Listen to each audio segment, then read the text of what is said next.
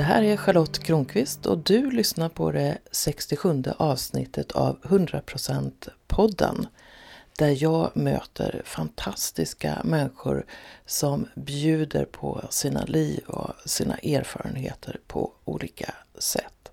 Och precis innan det här samtalet fördes så hade jag en session med Gita Ljunggren som kallar sig mystiker och som säger att hon bidrar till att plug in to your potential. Visst låter det härligt och spännande.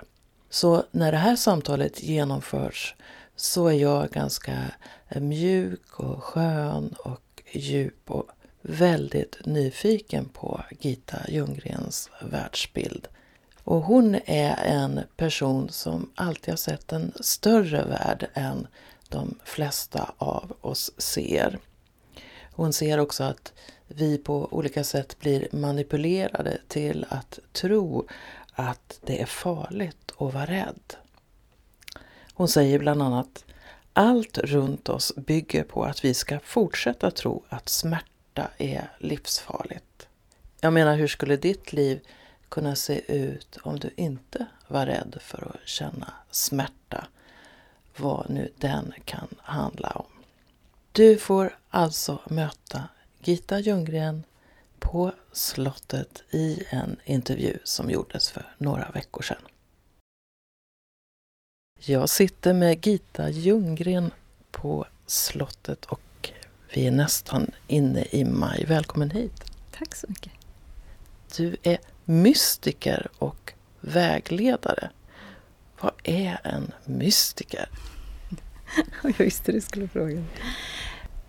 För mig att vara mystiker, det är egentligen bara så enkelt som att det är en, ett, att komma ihåg eller att inte ha glömt bort vad det är att vara en naturlig människa. På det sättet, ända sedan jag var väldigt liten, så har jag liksom behållit eh, jag vet inte vad jag ska kalla det, själsfunktioner kanske. Som eh, i, den, i det vanliga, liksom, i den världen som vi har skapat och i den kulturen och den historiska fasen som vi befinner oss i och, och allt vad vi kan, alla koordinater vi kan dra så, så är, finns det inte utrymme för det. Och det finns inte ens utrymme att komma ihåg det. Och det var ganska länge sedan vi egentligen kom ihåg vad det är. Vi, det är knappt så vi vet hur våra kroppar fungerar. Och ännu mindre hur själen och de subtilare nivåerna av att vara människa, vad det, vad det är egentligen och hur det, hur det naturliga tillståndet är. Så det är inte... För mig är det inte mer komplicerat än så. Men jag, jag har också under mitt liv sett och förstått att bara genom att komma ihåg det så har jag fått leva ett, en, i en verklighet och ett livsperspektiv som är väldigt mycket annorlunda än de som jag har haft runt omkring mig. Så det är för mig att vara mystiker. Och, och hur ser din verklighet ut? Alltså en, en av de grundläggande alltså, mystikerna som jag känner att jag alltid har upplevt det är och nu, alltså i olika grad, men eh, det är att jag har aldrig alltså, jag har aldrig varit rädd för att att det blir natt, höll jag på att säga. Men för mörkret, kan man säga.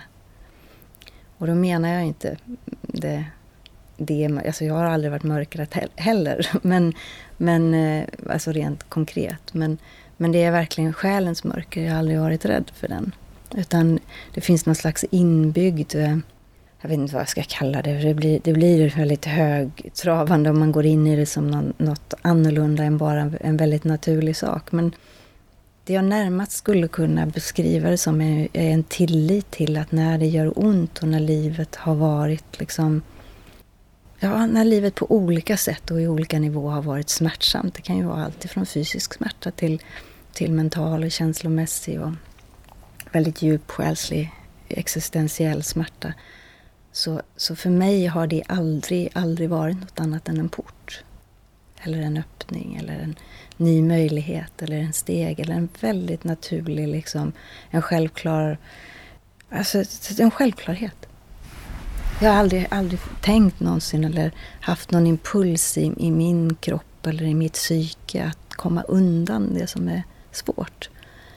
Utan snarare en drivkraft att, att hitta kommunikationen, tror jag.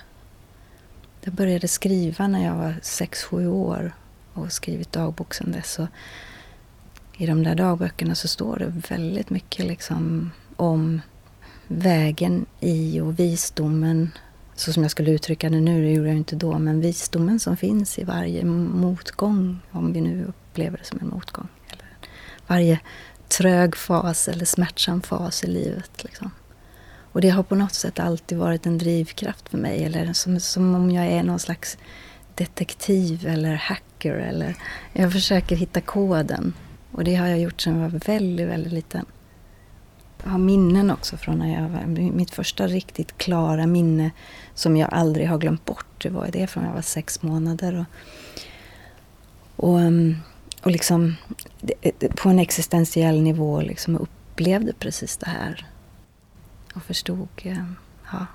Jag fick, jag fick precis en bild av du sa mystiker och vägledare och så mm. såg jag, nu håller jag micken här i vänster hand, men jag såg ändå så att du höll mig i handen i den här bilden och så går vi in genom porten mm. till, till det här mörkret. Mm. Och vilken roll blir då din? Ja. Det, alltså, på det sättet som jag håller dig, jag har precis skrivit det på min hemsida, jag tycker det är lite vackert. Att jag är vägledare men jag är liksom inte ljuset i mörkret. Det är jag absolut inte. Jag försöker inte få dig att komma undan det du måste komma undan, vilket det är mörker eller ljus. Utan jag tar dig hårt i handen och så är jag bara det som, som visar att här går det att vara. Och nu slappnar vi av här och lyssnar tillsammans. Vad det här har att berätta, vad det här är på riktigt, vad är verkligheten med det här?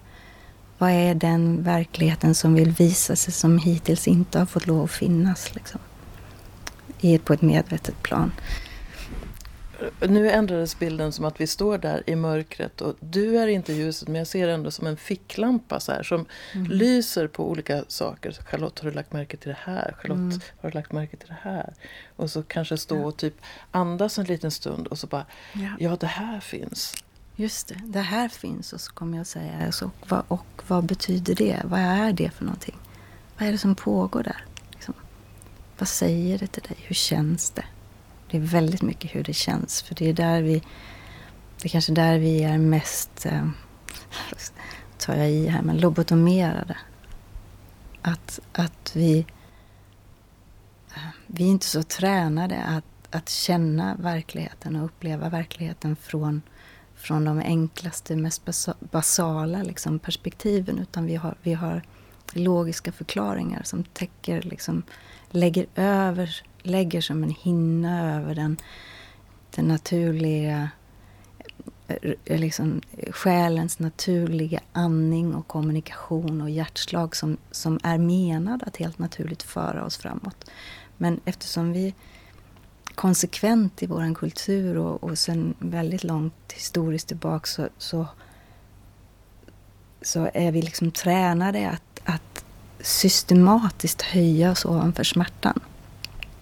Och eftersom vi inte får tillgång till vår smärta så kan vi heller inte få en integrerad kommunikation från vårt eget väsen av våra liv och vår kraft. Och, alltså det finns så mycket av den naturliga människans riktiga, äkta, verkliga kraft och styrka och visdom i, alltså, i att ha varit i mörkret också fullt ut. Och nu menar jag inte att det handlar bara om mörker, för det handlar om att röra sig som dag och natt. Liksom. Och att, att låta båda ha samma värde och att integrera det ena i det andra. I, i, liksom som en vågskvalp, som en rytm, som ett andetag, som ett hjärtslag. Som en puls helt enkelt jag kan se en tendens hos mig och säkert, säkert hos många, säga att jag känner en form av smärta. Och förut när jag rökte då kunde jag till exempel ta en cigg för att slippa känna smärtan.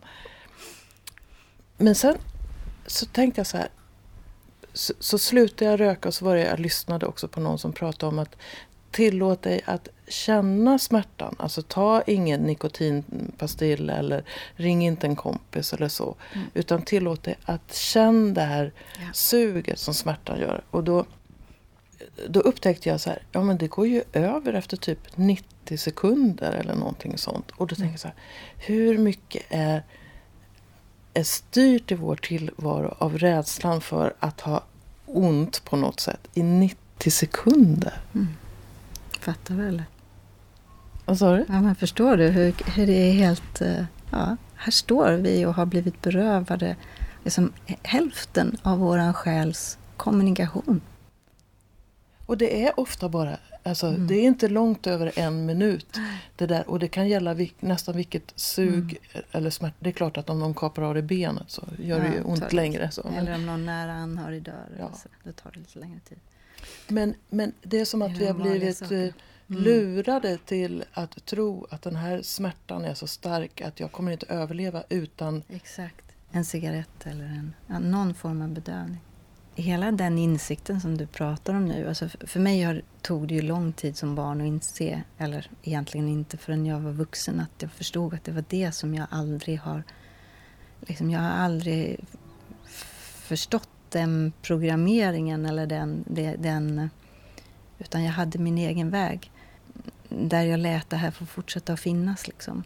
Och om vi, om vi bara tittar ut och ser och tänker. Alltså, när, du, när du får den insikten nu och du börjar titta på ditt eget liv och, du, och sen börjar titta på livet utanför. Alltså det finns allt vi har runt omkring oss bygger på att vi ska fortsätta att tro att det är livsfarligt. Hela konsumtionssamhället bygger på det. Slutar vi tro det och att vi faktiskt klarar oss själva, att vi inte behöver alla de här substituten, ja, men då har vi ju en, en världsekonomi som är i fara. För liksom, det är så mycket av, våran, av eh, den ekonomiska strukturen som bygger på att vi är missbrukare på olika sätt. Om vi säger att, att, du, då, att, att du då har en världsbild där du ser de här sakerna tydligare än mm. många gör och också ser hur vi blir manipulerade, lobotomerade, lurade. Eh, mm. så. Hur är det då att leva i den här världen för dig? Ja, det är en väldigt intressant fråga, eller hur? Ehm, ja, men det, alltså, det, det, är ju så att de här sen, det är ju inte kanske de senaste 15 max 20 åren som jag... Eh, 15 åren skulle jag nog säga. Som det är liksom en avslappning. Som jag har slappnat av med det. Mitt första stora trauma med att ha den liksom, världsbilden och, och, och sen inte bara det utan att till det också ha, ett, ha en kropp och, och en eh, eh, ett, som jag kallar det, ett energisystem. Att vara ett energisystem som är extremt sensitivt och som, som har en förmåga och då, då, men, då säger jag att det är en kreativ förmåga att kunna lyssna och att kunna se och läsa eh, av den här kommunikationen som pågår och energier. Och att jag har, precis som en operasångerska, liksom är extremt duktig på höga och låga toner. Liksom, så jag har jag en kreativ förmåga att läsa av energier och, och kan se den här. Och, där, och då när jag var liten så såg jag ju vad som pågick i människors energisystem. Och när man ser det och ser dynamiken, det som ser ut som oöverstigliga problem liksom, och som har bara en väldigt enkel liksom, bakomliggande o komplicerad anledning som man inte behöver lägga så mycket drama och emotionella eh, värderingar på. Eh, som skuld och skam och andra saker. Utan, och, och, att vara ett litet barn Eh, som, som väldigt många liksom ser, ju, ser ju världen så här innocent. Men jag var också väldigt detaljerad så jag kunde beskriva exakt varifrån de här mönstren kom och vad man gjorde, varför man gjorde på det sättet. Och det tillhör ju, men det var ju så, jag vet att jag sa till min pappa en gång så här att men pappa du behöver inte vara arg på mig för att farmor, och så då såg jag att, ja du vet, då såg jag hela kopplingen och hur han projicerade på mig någonting som tillhörde en gammal relation och då var jag fyra år. Och försökte bara få den liksom, energimässiga dynamiken och de känslomässiga svallvågorna och, och hamna på rätt plats och hjälpa honom att göra det eftersom han uppenbart inte såg. Det slutade ju med en otroligt traumatisk utskällning bedömning för att det, det blev alldeles för mycket då. Och det kan jag förstå nu. I det här, men det förstod jag inte då. Så det var en av de gångerna som jag fattade, eller den första gången som jag verkligen fattade att jag jag behöver lära mig att förstå hur, vad det är jag kan säga eller inte. Jag behöver lära mig att förstå språket, vilket språk som jag kan använda. Eller nästan som att jag behövde lära mig att känna hur är det om man inte upplever det på det sättet. När det verkligen är problem att, att det gör ont. När det, när det finns en moralisk eller, eller dramatisk aspekt på, på emotionella mönster. Liksom, när, när skuld och skam har en så stor plats att man måste trixa och luras liksom, sig själv och andra. Och istället för att, jag, för att som de flesta gör och, och som är den allra vanligaste strategin som alla vi har, så är det ju att stänga av då. Man stänger av sig själv och man stänger av sin, vad man nu än har för förmåga eller kreativ eller andlig förmåga eller kraft, så blir liksom den lätt, mest lättillgängliga strategin att stänga av. Men jag gjorde aldrig det utan jag skapade istället parallellvärldar. Så jag, jag, jag lät min naturliga, min själs naturliga rytm och andning och min egen inre kommunikation där, där mörkret och ljuset fick vara vad det är i min värld. Så jag hittade liksom alltid ett space för mig själv och mitt rum att vara i, i det lyssnandet på min själ. Och jag har aldrig tagit bort det. Och jag började skriva dagböcker när jag var sex sju år. Och när jag läser tillbaks så, så, så ser jag att jag har, jag har verkligen aldrig tagit bort den, den naturliga. Och det är bara naturligt. Det är inte något extraordinärt. Var det så att du fick då lära dig att tala ett mm. annat språk ja. då med världen? Ja, det, det fick jag. Och det, det tog lång tid. Och det, under tonåren så gick det också så långt så att jag försökte stänga av. Försökte stänga av hela den här verkligheten.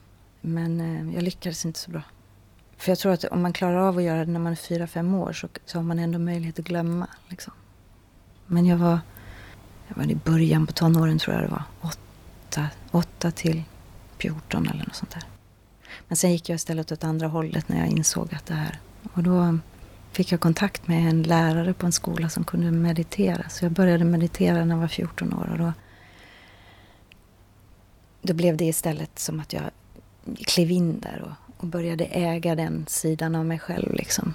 Och gjorde det till en del av min kreativa rörelse. Att, att behålla mina, mina förmågor.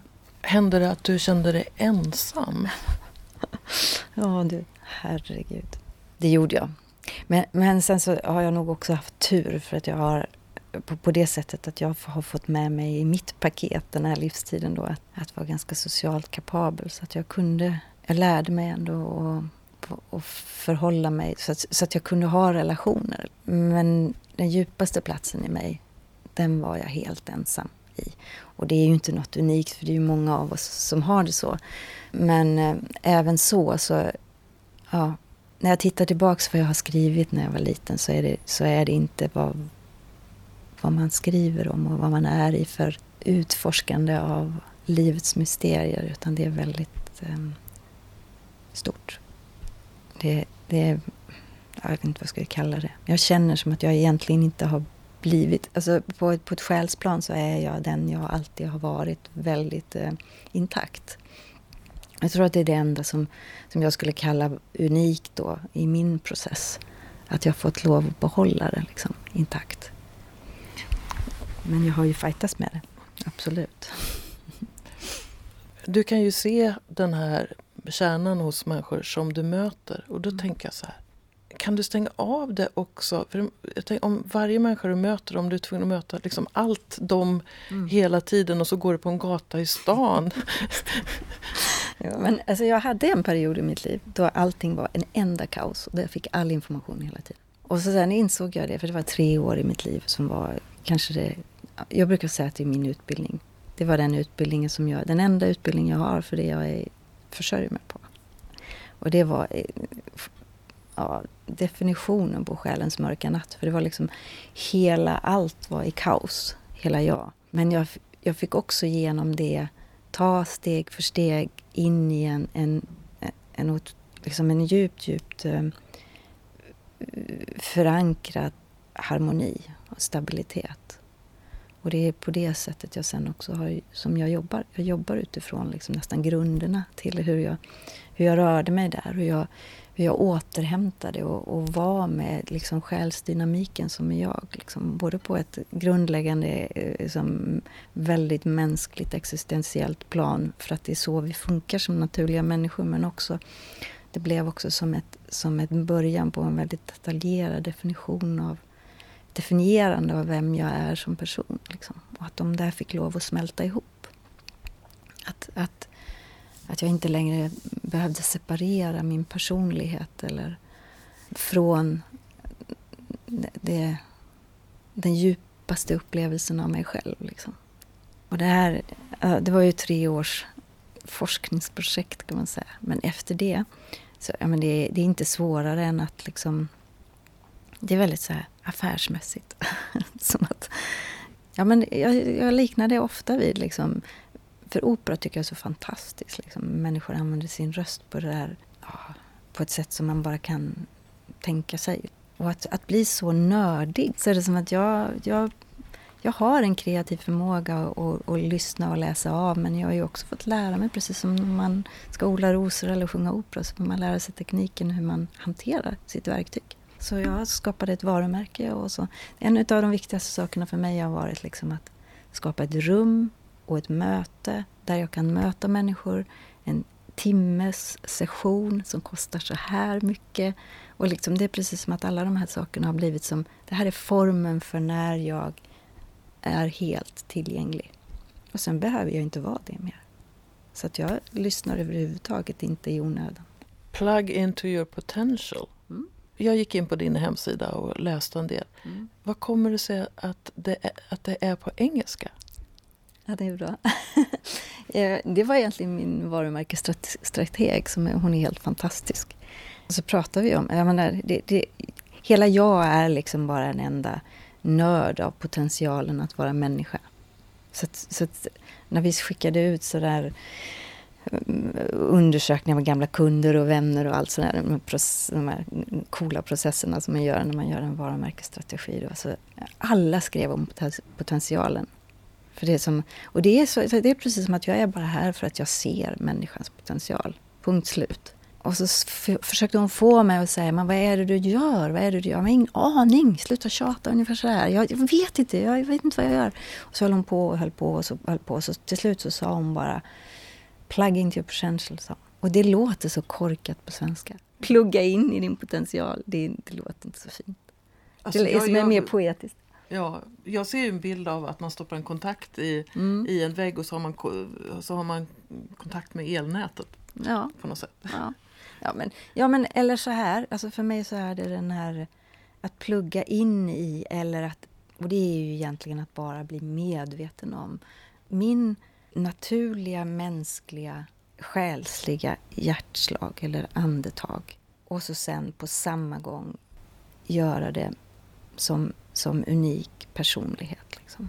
Och, och, att den dynamiken i min själ, det, för mig är det ingenting annat som är potentialen än den dynamiken mellan det mörka och det ljusa och, och, och av, av allt som jag är. Det blueprintet eller det, det mönstret liksom som finns. Som är helt unikt men som också vilar i en, i en, i en slags eh, klanglåda av, av att vi är, vad vi är, är människor. Vi är andevarelser i en, i en kropp som där det finns grundförutsättningar för att, för att vara här liksom, på jorden. Kroppen har, behöver vatten och ja, du vet, alla bassaker. Så finns det någonting som också själen behöver eh, för att den ska få lov att bara fortsätta att andas. Och att själens hjärta ska kunna slå. För att det är det som driver våra liv. Det som håller livet. Och om man blir medveten om det kan man då ha lättare att göra själens jobb då så att säga? Ja, det, då, alltså hela grejen är att när du pluggar in så kan man inte låta bli. Då är, då är man körd sen. Då gör jobbet sig själv, det går aldrig att ändra på det. På ett sätt så ser jag det så här, alltså, men självklart är det precis som att med, med kroppen så lever alla celler och allt fungerar och organen gör sitt jobb och sådär.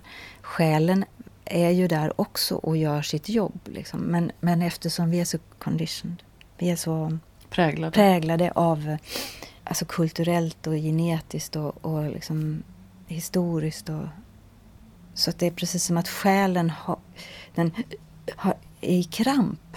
Och den där krampen, det där naturliga som vi kanske hade alldeles i början när vi kom hit och, och var människor från början, då, då fanns det där hjärtslaget där. Liksom. Och så kom det till någon fas då det troligtvis liksom av olika anledningar så valde vi att, att uppleva smärtan av att bli själsdöda. Liksom. Och så har det varit en successiv process hur den plågan ska gås igenom. Och nu känns det för mig, min upplevelse av, av att vara här nu och, och vara i, i, en dynamik och en, en ett möte med människor och, och mig själv så är det att vi, det finns en möjlighet nu för oss att börja komma ihåg det igen och fortsätta den där. Ungefär som att när man har ett trauma, som om vi har varit med om ett trauma kollektivt. Jag har ingen aning. Och så har, uh, uh, uh, står vi fortfarande där i någon sorts paralysering och vågar inte andas och har slutat lyssna och liksom stängt av hjärnfunktioner och stängt av både det ena och det andra och alla subtila nivåer av, av att vara mänsklig varelse. Så är det som att nu, någonting i allting som vi rör oss just nu bjuder oss en möjlighet att fortsätta. Att, att komma tillbaks till, ungefär som att gå igenom eller lä, börja läka ett trauma. Då börjar synapser i hjärnan fungera igen och då börjar eh, levern och, och må bra och göra sitt jobb. Och du vet, så är det som att nu är vi på den platsen med själen.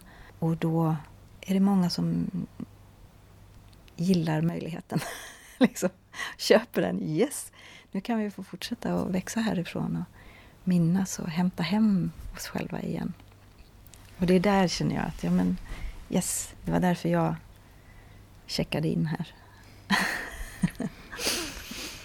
jag kommer att tänka på ett minne som är um, ungefär 20 år mm. gammalt. Och jag intervjuade en man för en bok jag skrev. Och då frågade jag så här, det var en bok som heter Börja tala som handlar om att tala inför grupp. Och då frågade jag alla tips om hur man blir en bra talare. Mm. Och den här mannen sa, var dig själv.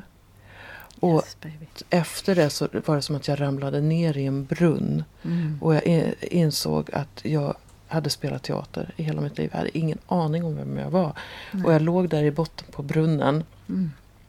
Och såg inga verktyg. Jag visste, inte hur jag skulle ta mig upp. Och då, ja, då började jag leta efter verktyg. Då. Mm. Och då började jag se verkligheten lite annorlunda eh, då. Och jag ifrågasatte mitt äktenskap och så. Mm. Så pratade jag med min mamma. Och för, efter ett tag så var det som att, gud vad jobbigt det här var. och då säger min mamma så här, sorry, det finns ingen väg tillbaka. det är precis så jag menar. Det är precis det. Ja. Så en del utav det här, eh, en del kallar det uppvaknande, man kan kalla det för mm. vad man vill. Men att eller återfå eh, kontakt med någonting som man trodde var förlorat ja. eller, eller så. Mm. Att det är ju inte varje steg i det som är så hoppla vad kul det här var. Yes. Nej. I alla fall inte i förstone. Absolut eh, inte. Man kan ju, som jag, oh, fanns det här och fanns det här? Att det kan ta, mm. i alla fall för mig, tid ibland att vänja mig vid att mm, det här är en del. Mm. Oh, det här fanns. Mm. Och sen kan jag bara uppskatta dem efterhand. Precis så. En sak till bara, så vi, vi träffades ju första gången mm. eh, häromdagen. Mm. Och en av de saker som jag uppfattade att du sa. Mm. Och det är att när vi är, eh, vi människor, att, att det finns en oänd, eller ganska stor potential i oss. Mm. Och du räknar med att det är typ 2% av det som vi mm. lever. Mm. Kan du inte berätta lite mer om det? Mm. Ja, men alltså, egentligen så är det ju bara fortsättningen eller ett annat sätt att beskriva det jag just beskrev. Liksom. Att det är som att vi, um, vi håller andan. Liksom. Hjärtat slår bara var, var femtionde slag.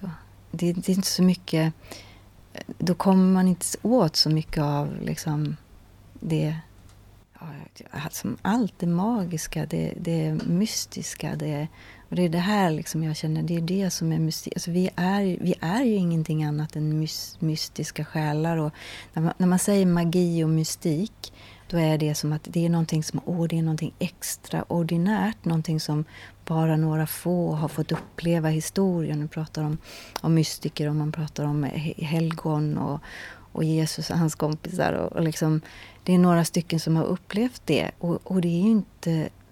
Alltså, det är sant att det är så, men det är också så att det som de upplevde och det som vi egentligen är, det har vi alla med oss som, som ett cellminne eller som en potential. Liksom.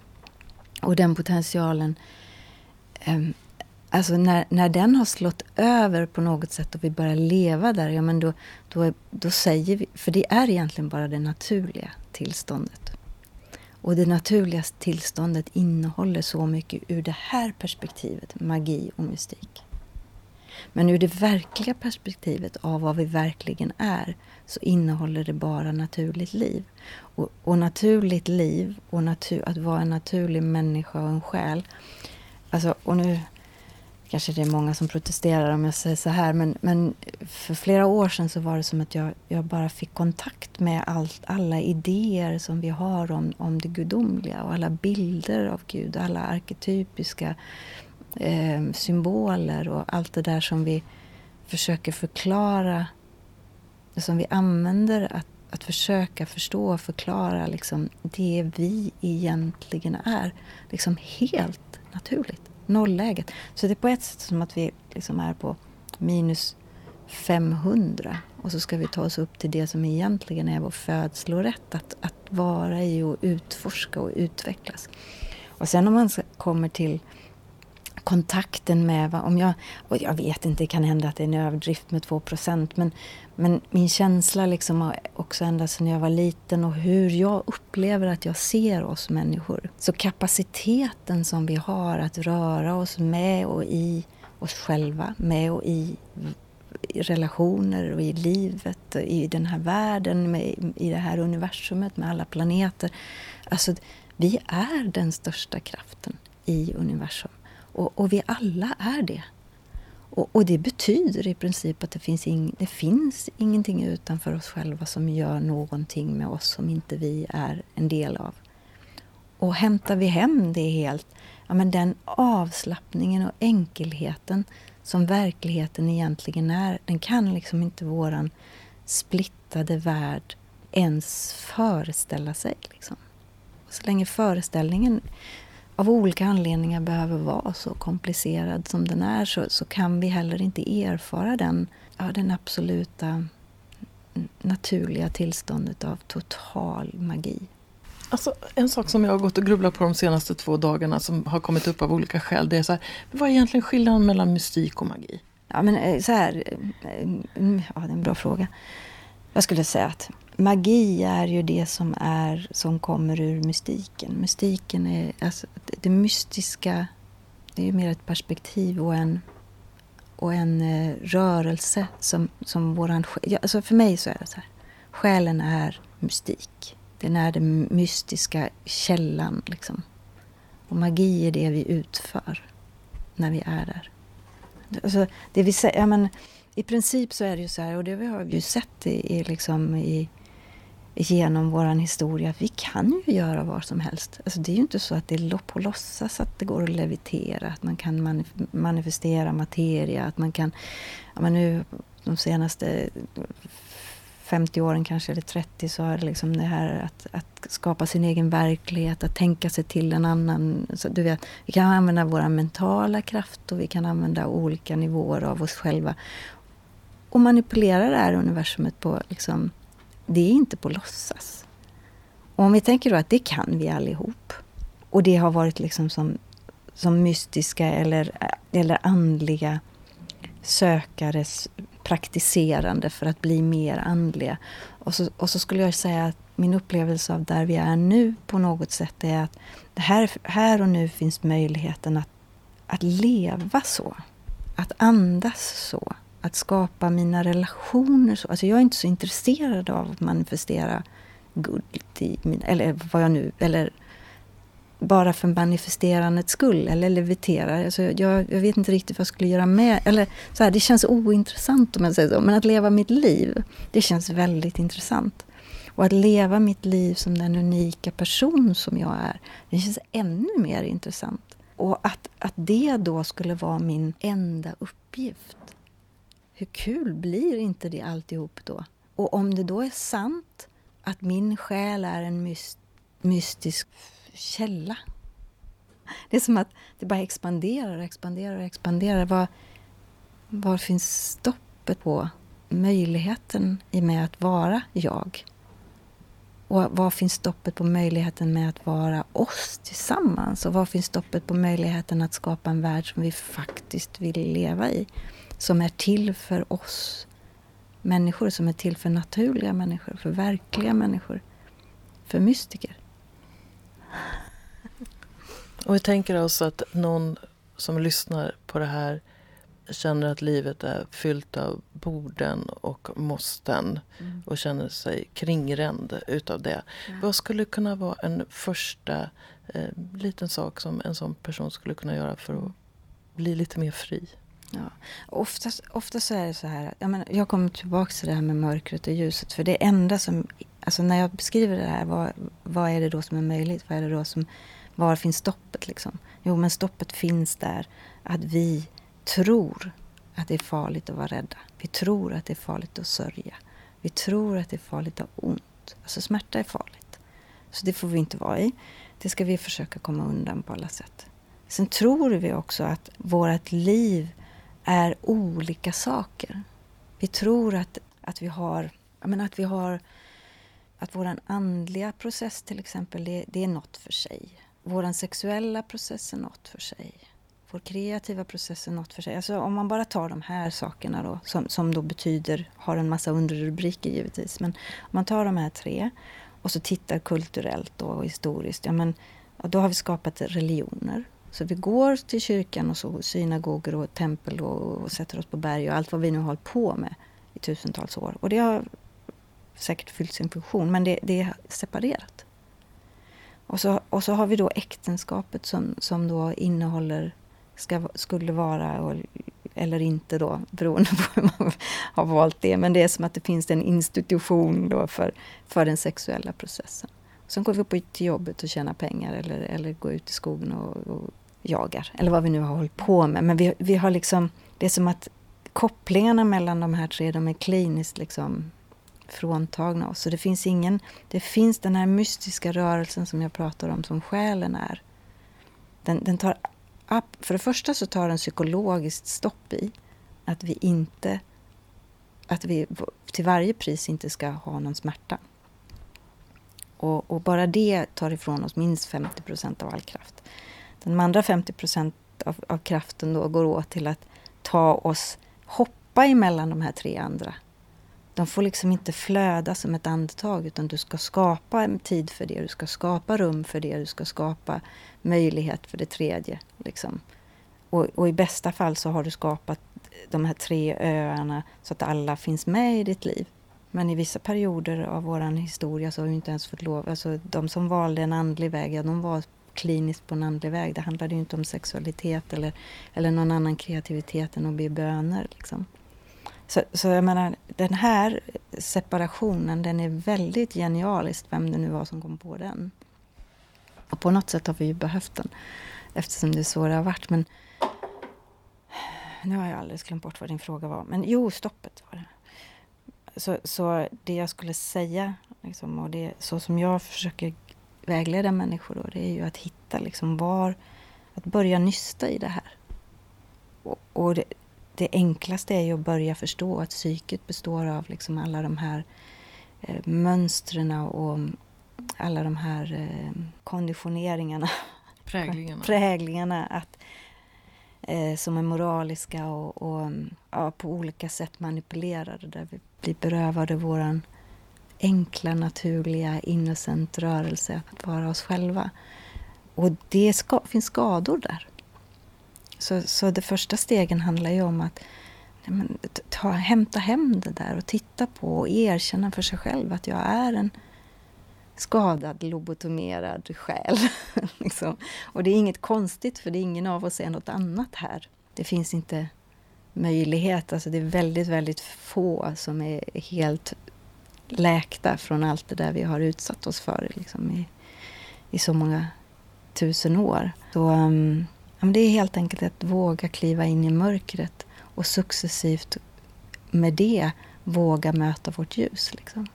Att våga vara i den, liksom, den eviga eh, äktenskapet mellan mörkret och ljuset. Det förbundet som finns där, rytmen som finns emellan. Att våga gå och lägga sig på natten och verkligen sova och vila och gå in i drömmarna och hämta upp de undermedvetna liksom, gegget som har lagt sig där och kompostera liksom, det, det, det, emotionella och andliga och allt, och allt vad vi behöver göra i natten och i mörkret.